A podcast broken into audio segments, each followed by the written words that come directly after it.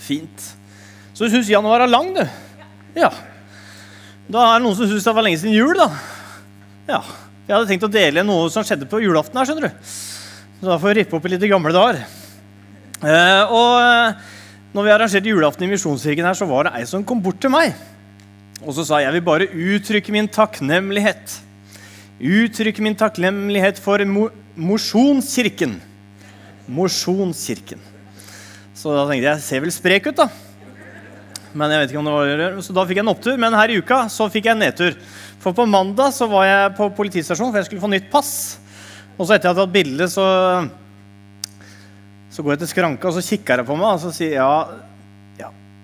Så gikk jeg litt sånn og liksom, ja, Vi setter kommunegrått i år.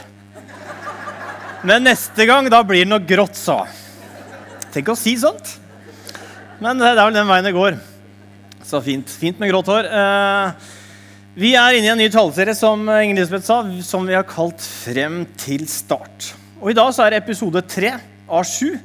Vil si at Martin han har talt de to første.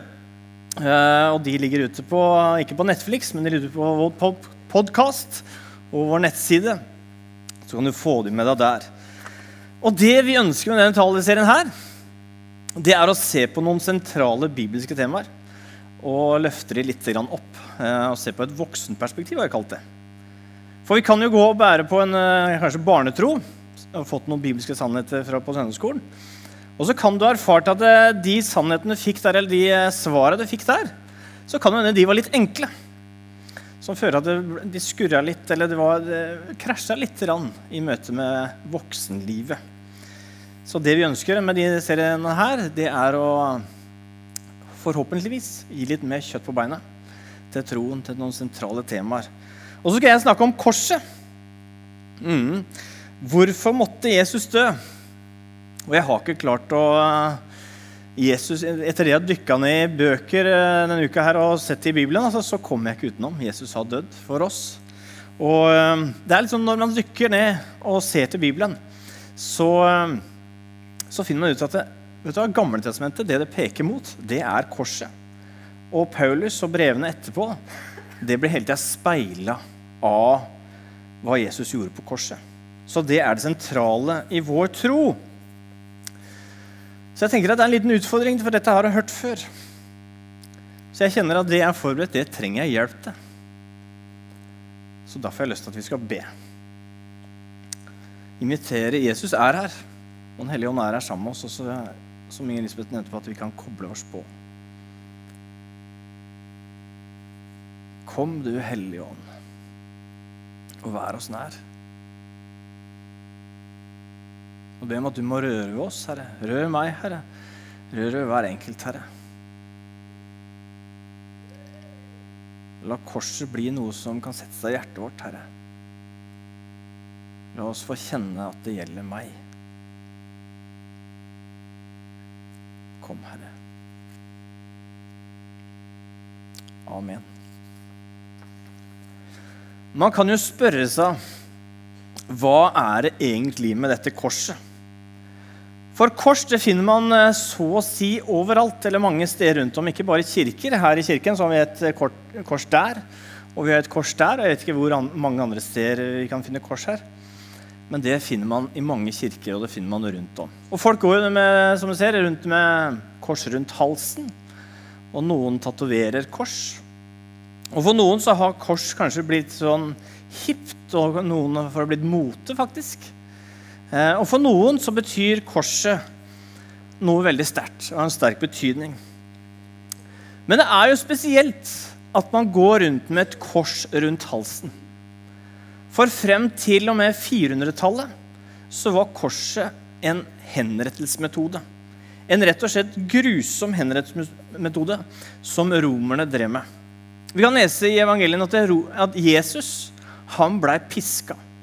Og det var noe man, Når man hadde fått dommen, du skal bli korsfesta, så var prosedyren den at før man ble på korsfesta og på korset, så skulle man bli piska. Og da var det med en sånn som det her, en sånn pisk med nagler på og med, med glass på, faktisk. Poenget med den det var at den skulle feste seg i huden. Og den skulle rive opp huden. Og den skulle komme under, under ved kjøttet. For da gjorde det mest mulig vondt når man da hang på korset innåt eh, bjelken. Og når man var ferdig piska, så skulle man bære korset. Og skulle kjenne inn mot huden. Og så blei man korsfesta, spikra og hengt på korset. Og så døde man av mangel på oksygen. Og det kunne vare lenge. På den måten der, den grusomme måten der, døde Jesus på. Og i Johannes-evangeliet så kan vi lese Johannes fra 15 til 13. Der står det Så er det da ingen som har større kjærlighet enn den som gir sitt liv for sine venner.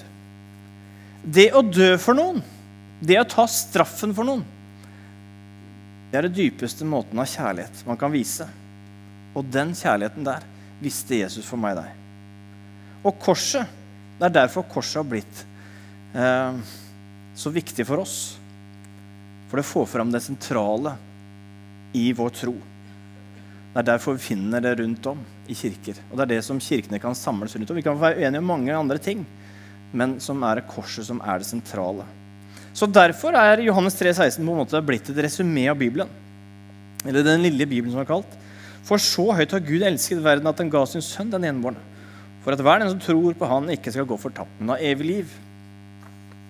Det kan man jo høre og tenke det, det har man hørt før, liksom. Sitte kan, rundt en kaffekopp kan, kan komme inn på kristendommen og troen, og kanskje i lunsjrommet. Snakke om det, og så kan spørsmålet være etterpå hva er egentlig problemet? Hvorfor måtte Jesus dø, egentlig? Og øh, hvem er det som vil ha en gud som også var en far som var villig til å ofre sin sønn. Trenger jeg en slik Gud? Og trenger jeg en slik Gud når jeg har alt det jeg trenger? Jeg har det gode liv, jeg bor her oppe i nord. Jeg har jo det jeg trenger. Jeg trenger ikke be om fred. Det er fred her i Skien. Jeg trenger ikke be for maten. Jeg har mer enn nok. Vi til og med kaster mat hjemme hos meg. Så vi har mer enn nok. Trenger ikke be om det. Og er jeg syk, så tar jeg medisiner. Og Funker ikke de, så går jeg til legen. Så jeg har det gode liv, og jeg har mer enn nok. Og jeg er stort sett en snill gutt. Og jeg har til og med hørt at jeg er skapt i Guds bilde. Og når jeg var mindre, så hørte jeg at jeg var unik. Og vi er vel egentlig noen gode folk alle sammen, er vi ikke det? Men man blir ikke nødvendigvis noen bedre folka av å være kristen med ikke, Vi er folk, vi òg. Se bare på KrF.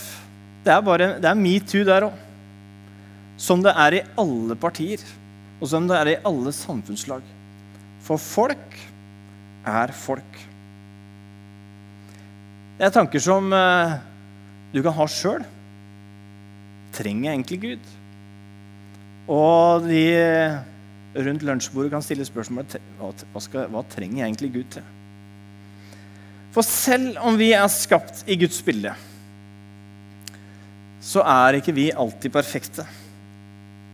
Det hender at det er noen rundt oss, og av og til oss sjøl òg, som ikke gjør alt vi skal gjøre.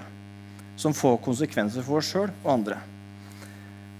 Jeg tenkte jeg skulle gå opp til VG for å se denne uka. her, for å se, Nå skal jeg bare gå på VG, og så skulle jeg jakte etter noe, noe dritt. Rett og slett. Finne hva er det noen folk har gjort gærent. Det kan ikke være vanskelig. Tok det ikke lange tida, så kom den artikkelen her opp. Så er det en OL-lege eh, så var det fra USA som han overgrep seg på 168 ofre, hvor dommeren leser opp eh, straffen på 175 år. Det er ikke greit. Så tenkte jeg ok, da får vi se, det var litt der ute, men da får vi gå til vårt eh, samfunn, her vi bor. Vi kan gå til Skien, eller eh, Thea og finne ut her. Her kan vi lese om at Sara hjalp en kunde med, å, med leker. Ja, da, da, Sara hjalp kunden med leker, stakk kameraten hans av med penger fra kassa. Det var Skien. Litt lokalt her. Og mens jeg jobba med det her, kom jeg på eh, kom noe på jeg hadde gjort sjøl. En liten filleting. Eh, men eh, da så var det ikke en filleting. Og det var for 20 år sia, og da er vel saken forelda. Så da kan vel, er det ikke 20 år. Ja, Så da er saken forelda. Og det var noe som skjedde det var noe som skjedde her i kirken, faktisk. Eh, som noe jeg må bekjenne. Jeg var på Sunday Night Live, eller var gospelkonsert. Og det er ikke farlig å være på Sunday Night Live eller gospelkonsert. Men det jeg gjorde, det var at jeg gikk, eh, jeg gikk ned i underetasjen her. Og der eh, så jeg noen jakker da, som hang. Så gikk jeg og snoka litt. Og i jakka der, ene jakka så fant jeg en Zippo-lighter. Den syntes jeg var fin. Så den tok jeg. Mm. Ikke bra. Unnskyld, bekjenner det. Men uh, så pass på jakken deres. Det vil jeg bare si. Men uh, Så den uh, tok jeg med meg hjem. da. Og har, hadde du en Zippo-lighter med Carlsberg-logo på, så, så tok jeg den. Må bare be om tilgivelse for det. Det var meg. Det var en liten ting jeg gjorde da. Det er jo ugreit kjenner jeg nå å stå her og si det. Det er gått er 20 år siden. Eh, men det var VG, det var Thea, og så var det meg. Men så er det deg, da. Er du reine jomfru Maria? Hva er det du ikke har fortalt? Og hvis vi fikk eh, bilder av deg oppå veggen her av livet ditt Og gjerne store bilder av når, eh, når ingen så, da. Vet du hva, Jeg tror ingen ville likt det. Jeg ville i hvert fall ikke likt det. Det er vel heller få som kan kjenne seg som jomfru Maria. Vi kan av og til kjenne på at vi, vi bommer på målet. Og det å bomme på målet, det er definisjonen av synd. Og Paulus han snakker om at alle, alle mennesker har syndet. Paulus sier i Romerbrevet 3,23.: For alle har syndet og mangler Guds herlighet. Alle synder, står det, og mangler Guds herlighet. Uansett jobb, uansett hvor man kommer fra, uansett om man har mat i kjøleskapet ikke, uansett hva man har gjort, så har vi alle noe felles på denne jord. Og det er at vi alle har synda. Og det er jo trist, da. Det er en dårlig felles ting å ha. Men trøsten for meg da, når jeg gjør sånne ting, er at jeg er ikke aleine. Jeg er ikke aleine av, av, og til å tenke på meg sjøl. Av og til å sette meg sjøl foran, foran andre og Gud. Og dette her er jo dessverre ikke noe nytt. Sånn har det vært eh, fra starten, da, da Gud skapte mennesket. Og mennesket kunne velge mellom eh, å gjøre godt eller vondt. Det hele starta jo med Adam og Eva. De, eh, de ble skapt, og de var i Edens hage sammen med Gud. Og det står at Gud vandra i hagen. I den svale kveldsprisen, står det et sted. Så vi har skapt å være et fellesskap med Gud. Og Gud hadde gitt beskjed til dem at vet du hva, dere kan kose dere, og gjøre så mye dere vil kose dere her. Forvalt dette her. Men én ting skal dere ikke gjøre. Dere skal ikke spise av det treet der. Og den frukten som står der. Det står ikke at det var epletre, vi tror det, men det står frukten. Det kunne vært banan. Da. Men, eh, så det skulle de ikke gjøre. Og typisk samme som oss mennesker. Så gjorde Adam og Eva det. De gjorde det de ikke skulle gjøre. De spiste av treet. Og hva skjedde da? Jo, det samme som når vi også feiler, så prøver vi å skylde på noen. Kan du skylde mot noen, så gjør det. Og det gjorde faktisk Adam også. Og Adam, vet du hvem han skyldte på? Han skyldte faktisk på Gud, han. Han sa det var hun som du sendte meg, Eva som gjorde det. Det er ganske frekt å skylde på Gud, men det var det han gjorde. Og konsekvensen av å være ulydig og bomme på målet, det var at synden kom mellom Adam og Eva og Gud. Så derfor ble de atskilt, og de ble sendt ut av Edens hage og paradiset. Og grunnen til at de ble atskilt ifra Gud, det er for at Gud, han er hellig. Og Gud, han tåler ikke synd.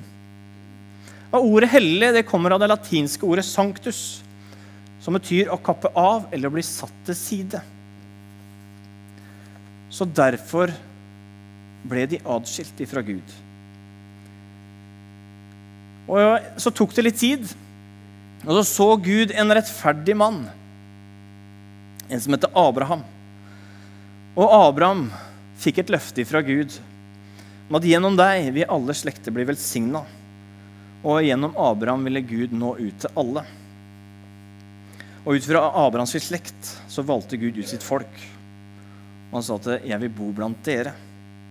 Og israelsfolket kan vi lese om at når de var kommet ut av sitt fangenskap i Egypt, så kan vi lese i 2. Mosebok, vers 45-46, står det. Så vil jeg bo midt iblant israelittene og være deres Gud. De skal få kjenne at jeg er Herren deres Gud, som førte dem ut av Egypt, for å bo midt iblant dem. Jeg er Herren deres Gud. Gud han ønska å bo midt iblant israelfolket. Og siden Gud var hellig, og mennesket var fylt av synd, kunne ikke Gud bo midt iblant dem. Og Hvis vi får opp bildet her av tabernaklet Så Gud ønska å bo sammen med dem. Men siden eh, mennesket var syndfri, eller synd, så måtte Gud bli plassert i et telt. Og han ble plassert inn i det aller helligste. Der kunne han være. Og det var et forheng som, som skilte det fra resten. Og inn i det aller helligste, dit kunne bare øverstepresten komme en gang i året. Etter han hadde ofra en syndebukk og tatt blodet og tatt det med inn i det aller helligste som et offer for folkets synder. 3. Mosebok 16, 16 står det Han skal gjøre soning for helligdommen pga. israelittenes urenhet, lovbruddene og alle syndene deres. Pga. syndene så kunne ikke folket komme nær Gud. Det var det bare øverstepresten som kunne. Én person én gang i året. Og jeg tror jo ikke at Gud eh, var dette det han hadde tenkt. At det var det som var ideelt. For Gud han hadde skapt oss til å leve i fellesskap med Han. Løsningen blei at Gud sendte Jesus til jorda. Og når Johannes døperen så Jesus, så sa han i 1. Johannes 1,29.: Se, der er Guds land som bærer verdens synd. Og det var nettopp det Jesus kom for å gjøre. I Det gamle testamentet kan vi lese om at det var en øverste prest som kunne komme en gang i året. Men i hebreerbrevet så kan vi finne at Jesus han har blitt vår øverste prest. I Hebreerne 9, 11-14 står det Men Kristus er kommet som øverste prest for alt det gode vi nå har. Han har gått gjennom det teltet som er større og mer fullkomment, og som ikke er laget av menneskehånd, dvs. Si som ikke tilhører denne skapte verden, ikke med blod av bukker og kalver, men med sitt eget blod gikk han inn i helligdommen en gang for alle og kjøpte oss fri for evig. Blodet av bukker og okser og asken av en kvige gjør hellig og ren i det ytre når det blir stenket på den som er blitt urene. Hvor mye mer skal da ikke Kristi blod rense samvittigheten vår fra døde gjerninger, så vi kan tjene en levende Gud? For Kristus har i kraft av en evig ånd båret seg selv fram som et feilfritt offer for Gud. Jesus, han har blitt vårt offer, og Jesus har blitt vår øverste prest. Den straffen som vi skulle hatt pga. våre feil, den har han tok av. Han ofra ikke en syndebukk og bærte fram det. Nei, han bærte fram sitt liv. Med, sitt, med sin kropp og med sitt blod så ble han et offer for oss.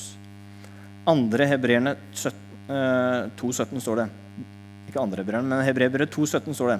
Derfor måtte han på alle måter bli lik sine søsken, så han kunne være en barmhjertig og trofast øversteprest for Gud og sone folkets synder. Jesus han har kommet og sonet våre synder. Jesus, som var syndfri og som levde et perfekt liv, han tok våre synder på seg. Alt det du har gjort, og kommer til å gjøre, det han tatt på seg. Han var uten synd, og vår synd ble lagt på ham. Og derfor ropte han til Gud. Min Gud, min Gud, hvorfor har du forlatt meg? Da hadde han tatt vår synd. Og etterpå så ropte han ut, eller sa han, det er fullbrakt. It is finished. Jobben han var kommet for å gjøre, den var ferdig. Og Da kan man lese i Matteus evangeliet 27, 51 hva som skjedde da. Da revna forhenget i tempelet i to, fra øverst til nederst. Det som hadde skilt, som vi så i stad i, i tabernakelet, så var det et stort forheng som skilte Gud, hans nærvær, ifra folket. Men nå var det åpent. Og det var det Jesus gjorde. Han kom for å åpne veien igjen, fordi han tok vår synd. Jeg leste brevet, eller, fra romerbrevet at alle har synda og mangler Guds herlighet. Det verset det er ramma inn av nåde både før og etter. For det står i romerbrevet 3.22-24. Dette er Guds rettferdighet, som gis ved troen på Jesus Kristus. Til alle som tror. Her er det ingen forskjell. For alle har syndet og mangler Guds herlighet. Og så kommer igjen. Men ufortjent. Av Hans nåde blir de kjent rettferdig, frikjøpt i Kristus Jesus. Den straffen vi kjenner på, kan hatt, eller som vi, når vi gjør noe gærent, tenker at dette er ikke riktig, så kan vi vite at den straffen, den har Jesus tatt på seg, sånn at vi kan ha fellesskap med ham. Og jeg er glad for at Bibelen at den er full av mennesker sånn som meg og deg. Som av og til bommer på målet, for å si det sånn. Og en av de som faktisk som blir omtalt eh, som en mann etter Guds hjerte, det er David. Og David han bomma i hvert fall to ganger. Og Den ene gangen var han, han var jo konge av Israel, så han sto sikkert oppå slottet sitt og så nedover. Og han så nedover, og der så han ei flott dame som bada. Batseba. Og Han kikka ikke bare og tenkte at hun var fin, men han lot faktisk ikke bare fuglen fly over hodet, men han fikk lande et rede der. Så det han gjorde, han inviterte henne opp. Og så lå han med Og så ble jeg gravid. Og så stoppa han ikke der. Synd det er jo sånn det er. Synd det fører gjerne til medsynd. Sikkert når jeg kom hjem med Zippo-lighteren og pappa spurte hvor jeg har fått den fra, så sa jeg den har sikkert fått fra Gunnar. Eh, og det gjorde David også. Han skyldte ikke på Gunnar, men han, eh, det han gjorde Han fikk eh, mannen til Batseba til å bli stilt først i rekka når de skulle til krig. Så han mista livet. David han måtte gå og bære på dette her, det han hadde gjort. Og En dag så blir han konfrontert av profeten Nathan om det han hadde gjort. Og så får han tilgivelse fra Gud.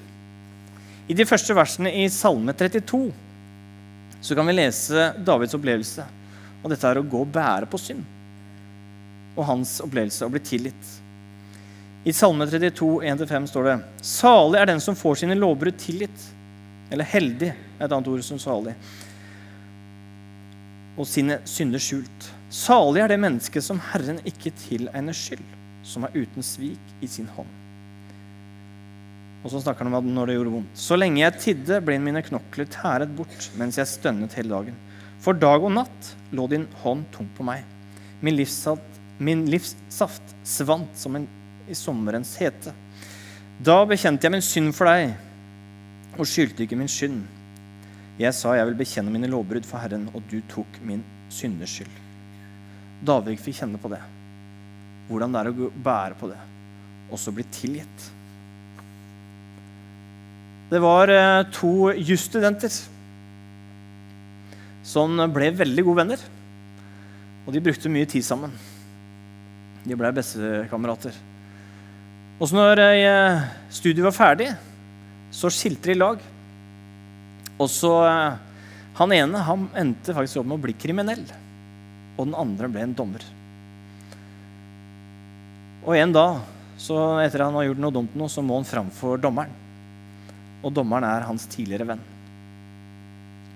Og dommeren kjenner sin kjærlighet for han. Men så samtidig så kjenner han at jeg vet han har gjort noe gærent. Jeg må følge loven. Så han får dommen sin, denne kriminelle vennen. Og det er at du må i fengsel eller betale en stor sum med penger. Og denne her, han hadde ikke penger. Så han tenkte at da må jeg i fengsel. Han går ut, men vet at nå må jeg vekk. Og etterpå så går, går dommeren ned. Så går han bort til henne. Så sier han at vet du, jeg har betalt straffa di. Den summen du skulle betalt, den er betalt. Du kan gå fri. Jesus, han har betalt den straffa vi skulle hatt. Vi er frikjøpt, står det. Så vi kan bare komme til han sånn som det er. Vi kan spørre oss her oppe i nord trenger vi egentlig Gud, vi som har det så bra. Vi er stort sett snille og greie. Jeg kjenner i hvert fall at jeg må si et rungende ja. Fordi at jeg vet at jeg feiler på å være hellig. Jeg når ikke opp. Og siden Gud er hellig, så trenger jeg Jesus. Så trenger jeg korset, som minner meg om hva Jesus har gjort for meg. Det er ikke ofte, dessverre, jeg begynner å grine. Men for 14, mandag for 14 dager siden så sto jeg ved kjøkkenbenken og hørte på låssang. Hørte på en sang 'Takk for Golgata'. Og så ble jeg bare møtt av Jesus. Så kjente jeg det gjelder også meg. Så måtte jeg bare begynne å grine. Så kjente jeg det, det gjelder også meg. Så måtte jeg ned på kne og bare takke Jesus av hva Jesus hadde gjort for meg. Jeg vil kjenne at det, det, er, gjelder jo ikke bare de jeg snakker om, sånt, men det gjelder meg. Og mitt ønske for deg det er at du skal få kjenne at det gjelder også deg. De små tinga, de store tinga, det som du kan være flau for. Det skal du vite at det har Jesus tatt på seg. Det er derfor Jesus kom. Han kom ikke for de rettferdige. Og det er ikke bestandig vi kjenner oss som noen syndere, men det var de han kom for. Vi som ikke helt får det til. Når vi av og til bomma på målet, så tok Jesus det på seg. Vis at det gjelder deg. Kan vi lukke øynene nå?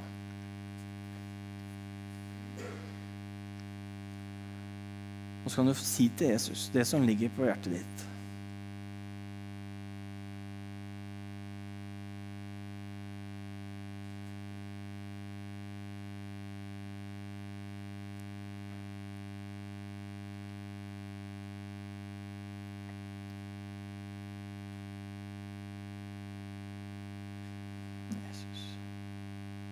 Jesus, takk for at du kjenner oss.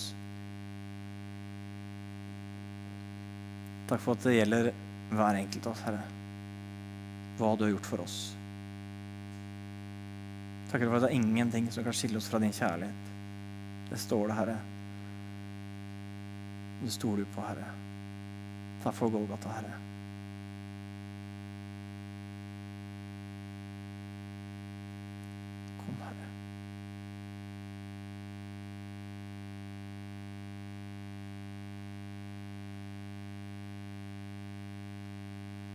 Minne meg på at når, eh, når, Jesus møtte mennesker, så møtte han de der de var i sin liv. Han møtte dem ikke med en pekefinger, men han møtte dem med åpne armer. Og Jesus kjenner deg. Han vet når du er svak, han vet når du er sterk. Og så står det også at han går i formen for deg.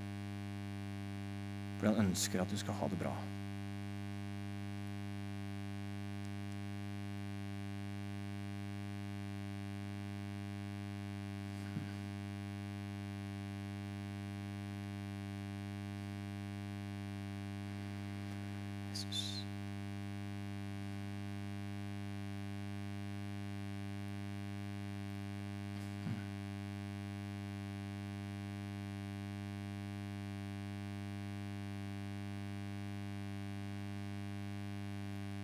Skal vi gå over til å feire nattvær.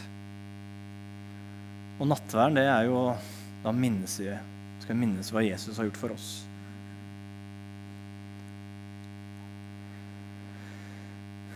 Da minnes vi om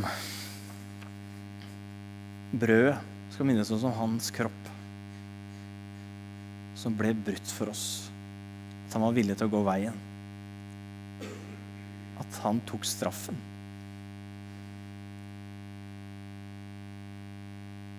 Og så at hans blod, det som rant, det som var et offer, det rant for meg og deg. Så hvis du ønsker å ha fellesskap med Jesus, hvis du kjenner at jeg trenger Jesus, så er du velkommen til å være med på nattverden her. Og Jesus inviterer deg til å komme og være sammen med ham. Jeg vil lese De som skal være med og dele ut, kan komme fram.